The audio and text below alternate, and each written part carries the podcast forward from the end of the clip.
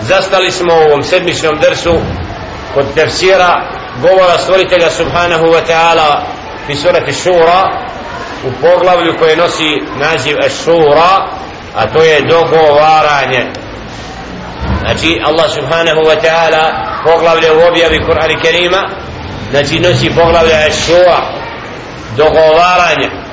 Od svojstava vjernika jeste da se dogovaraju. الله Muhammedu sallallahu نرجي محمد صلى الله عليه وسلم وهو يسوري فقاد وشاورهم fil amri. I budi od onih koji se konstatuje s njima. Ošavirhom traži njihov stav njihovo mišljenje. Dogovaraj se s njima. Zato odabrani predvodnici i vođe skupina odabrani uvijek su se dogovarali sa svojim džematom znači to je bilo sastavni dio strategije da se skupina odabranih konstatuje, dogovara, predlaže. I da Đele Šenu daje bereket u tim stavovima. Kad se počne nametati sve po jedan stav pojedinca bez kontakta sa masom dolazi do nereda.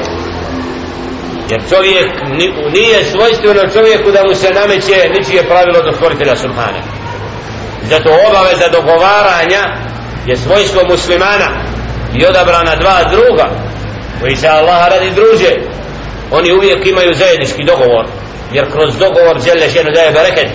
Kroz nametanje stavova dolazi do remećenja onoga što se zove esura, kompromis. I zato osobina vjernika znači da dokazima tragaju za uputom i ne prihvataju slijepo nečija pravila. To je sunnetullah znači da vjernik traga za istinom i da mu istina liježe ali mu ne liježe to da mu neko nameće nešto a da on ne bude sljedbenik upute i pravoga puta to jest istine. Zato ajeti koji su s nama djedle šenu ističe to da oni koji neće da slušaju Allaha i poslanika njegova alaihi salatu wasalam pa koga drugog onda slušaju?